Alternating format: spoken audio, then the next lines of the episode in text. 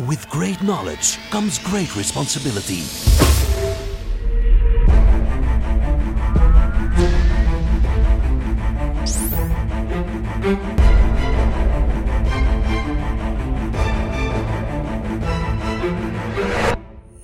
Fifty-two topics by Maarten Bové and Kevin Couvreur.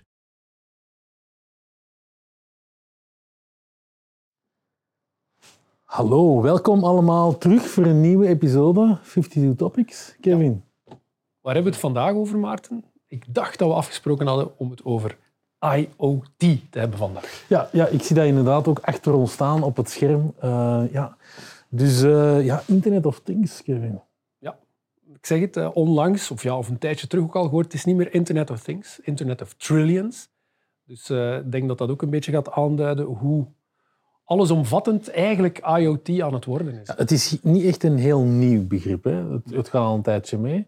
Eh, maar het is wel iets dat heel hard in evolutie is. Ja. Zoals met veel letterwoorden is het voor sommige mensen totaal onbekend. Maar ik denk dat de technologie en het concept bij heel veel mensen eigenlijk ook al zelfs binnengedrongen is in de woning. Onder de vorm van, je zei het daarnet Maarten, alles wat. Ja, alle smart devices. hè, Smart die eigenlijk alles wat je tegenwoordig hebt van smart puntje puntje, smart stofzuigers, eh, Ja, smart koelkast. Ja, ja, eh, alles. alle je- kan smart washing machine. blijven doorgaan. alles, ja. Eh, ja, in essentie komt er eigenlijk op neer, hè, devices die data weergeven en die geconnecteerd zijn op het internet en met elkaar communiceren. Ja, ik denk dat dat eigenlijk de zaken zijn. hè. We hebben data, we hebben een verbonden aan het internet en communiceren met elkaar. Ja, dat communiceren, hoe gebeurt dat vandaag? Enerzijds gaat een, ja, bijvoorbeeld een wasmachine of een vaatwasser of iets anders, of uw eh, warmtepomp kunnen communiceren met uw installatie thuis en eigenlijk slimmer reageren en weten wanneer dat hij wat moet gaan doen en wanneer dat hij de goedkoopste energie kan gebruiken, bijvoorbeeld. Ik zeg maar iets. Ja. Ja.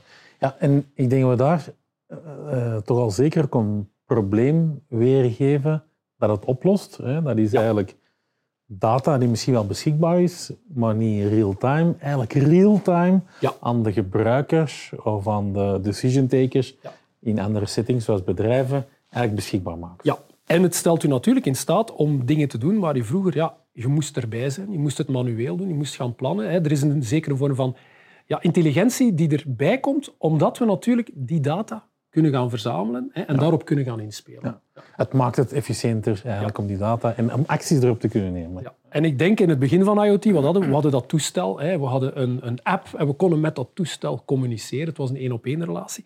Nu gaan we weer alweer die stappen verder, dat binnen je smart home eigenlijk de toestellen onderling kunnen gaan beginnen praten met elkaar. Hè. Waarbij dat je eigenlijk weer een slimmer netwerk aan toestellen gaat maken die in het derde stukje, het communiceren, weer elkaar kunnen gaan zeggen hey, hey, wacht, ik moet eerst dit doen of ik moet dat doen, bijvoorbeeld. Ja, de, de vraag is natuurlijk, waar gaat dat eindigen?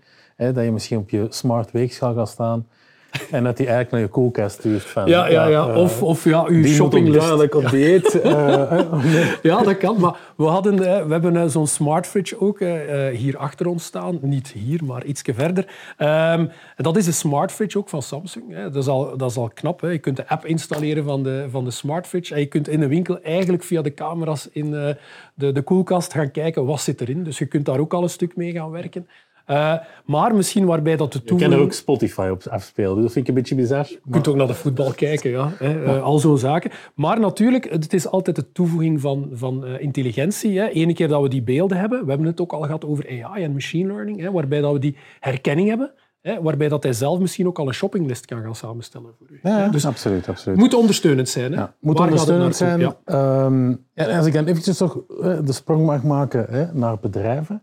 Ehm, ja, het is niet alleen in de grote hè, ja, factory halls Ja. waar we het ook terugvinden, maar ook in kantoorgebouwen, waar je eigenlijk met smart lighting eh, Ja. eigenlijk heel veel data eh, kan gaan weergeven, de optimale lichtsterkte, ook energiebesparende maatregelen, Ja. eh, allemaal gaan opzetten. Wat dat we daar ook zien, als we in gesprek gaan met bedrijven over IoT, is dat er, ja, iedereen praat daar wel over, over IoT, maar uiteindelijk het, het doel daarvan, ook zeker in een bedrijfscontext, is dat het gaat over data.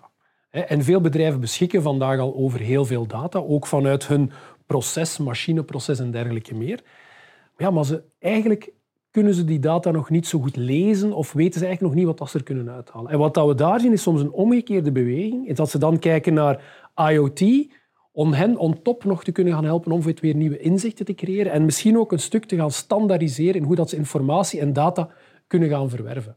Dus uh, ja, het, het, is daar ook weer, we voelen het, we hebben het al een paar keer gehad over data, we hebben het over dan weer AI en machine learning die dan weer kan gebruikt worden voor het, weer het, het visualiseren en het, en het, laten we zeggen, slimmer worden daarvan. Hè. Dus uiteindelijk, als we IoT dan in essentie gaan zien, het moet ondersteunend zijn om een proces te verbeteren waarschijnlijk, om, om inzichten te kunnen gaan, gaan uh, hebben. Ja. om ook om zaken te gaan toepassen, zoals uh, predictive maintenance bijvoorbeeld, hè, uh, in, in, in, toch in de factory halls dan. Ja. Um, om snel eens ja, problemen te zien aankomen. Zeker, om, zeker. Ook om productivity eigenlijk een stukje te waarborgen. Ik heb ooit een heel interessante sessie gevolgd over hoe dat de lichtkleur eigenlijk beïnvloedt hoe de mensen zich kunnen focussen. En productivity hangt er ook weer een stukje aan vast. Dat is hetzelfde in de Ehm, klaslokalen. Hè. Kleur, hè. Een kleur, waarom is een bord groen? Omdat eigenlijk groen een kalmerende kleur is.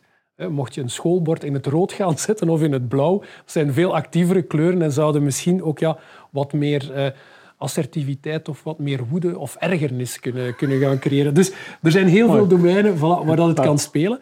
Maar ik denk weer al daar ook ja, het productieproces hè, gaan ondersteunen. Vooral ook, ja, je zei dat predictive maintenance. Hè. Uh, heb ondertussen toch al redelijk wat gesprekken gevoerd, ook met mensen die ermee bezig zijn. Ja, dat is toch nog ook niet alles wat het zou moeten zijn, die predictive uh, maintenance. Het idee is heel goed. Hè? Uh, maar natuurlijk, hoe ga je dat gaan uitmeten? Hoe ga je dat gaan lezen? Welke technologieën ga je daarvoor gebruiken? ik, ik denk sowieso op de bedrijfsvloer zijn er heel veel oude technologieën. Uh, ik denk dat we daar nog een aantal topics eigenlijk Ja, ja, ja, moeten over voeren. Die, ehm, ja, die toch op een of andere manier allemaal moeten leren communiceren met elkaar. Ehm, ja, en anders, ja, denk dat toch wel vaak rond IoT gepaard gaat, is eigenlijk alles rond security. Ja. Ehm, een uitdaging, als ik het mag zeggen. Zeker in, in de persoonlijke sfeer, hè, in smart Ja. homes.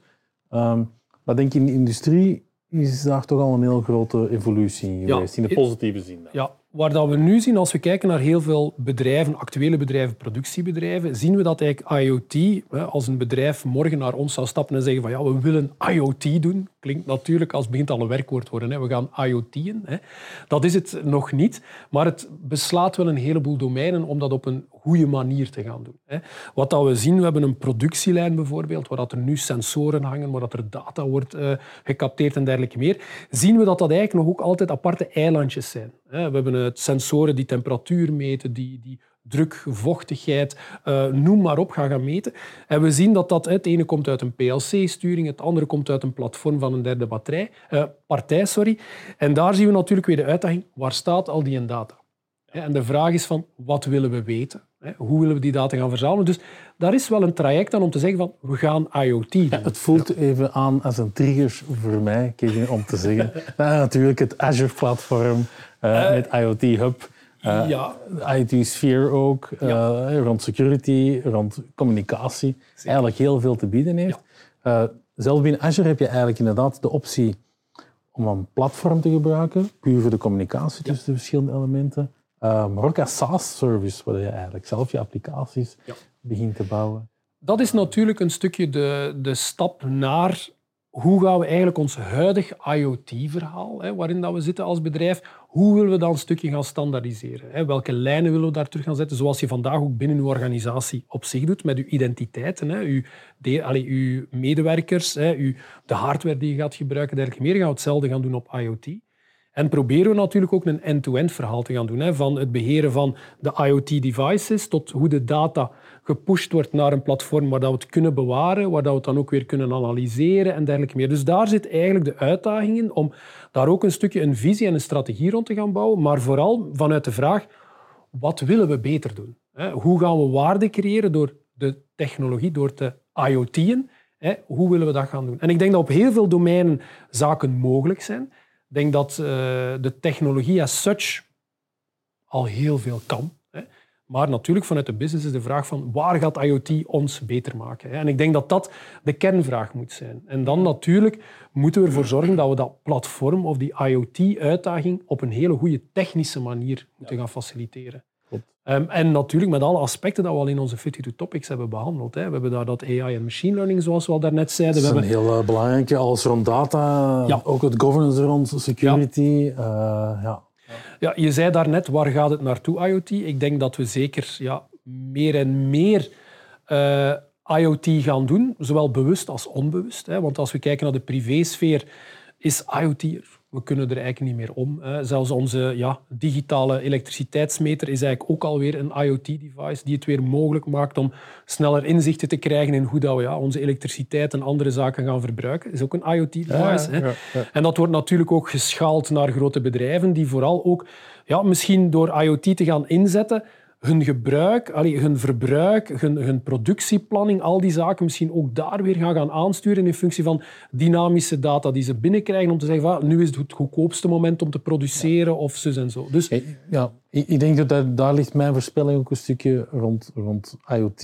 In de, in de komende jaren gaat het heel veel draaien rond hoe kunnen we nu performance optimaliseren, kostenreductie.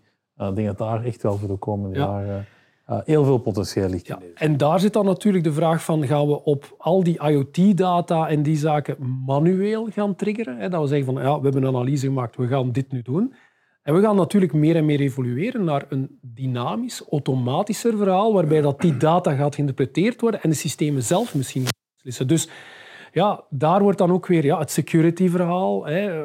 Wie communiceert met wie? Eh, welke data en welke beslissingen mogen we nemen? Eh, mogen de systemen nemen? Dus ja, daar zit toch wel nog wat uitdagingen in. En duidt ook aan dat dat... Ja, we gaan niet morgen allemaal dat perfecte IoT-device eh, bedrijf zijn of, of dit of dat. Dus het is ja, weer al... Alles is geconnecteerd, hè, zoals we op de mooie visual kunnen zien natuurlijk. Ehm, en met al die connecties zijn er natuurlijk uitdagingen hè, binnen een IT-verhaal. Maar ja, het is de toekomst. Ik denk dat we er heel veel zaken kunnen uithalen. Maar zoals met alles moeten we een duidelijk plan hebben en een, en een goede strategie natuurlijk. Ja. Dus ehm, ja, it's here to stay IoT. Ehm, zijn er opportuniteiten? Ja. Ja, opportuniteiten, zeker. En ehm, ik denk dat het een stukje afhangt van ja, welke case, wat wil je Ja. oplossen? Voilà. Eh, denk je daaraan? En de kan value proposition, hè, om Ja. die technologie in te zetten. Dus eh, ja, wat mij betreft, Maarten, IoT, we gaan daar nog fijne dingen mee doen. We gaan daar waarschijnlijk ja, eh, toch Ik nog, dat we nog gaan daarop terugkomen. nog eens wat dieper op ingaan. Want daar zijn Ja. ook nog wel leuke evoluties in, ook langs de, de, de Microsoft-kant. Ook naar partners die inderdaad ook ja, dat end-to-end verhaal van IoT zeker willen, willen gaan vastpakken. Dus eh, ik zou zeggen, beste kijkers, volgers en luisteraars, hou ons in de gaten en tot de volgende 52 Topics. Tot binnenkort. Volgende Bye. dag.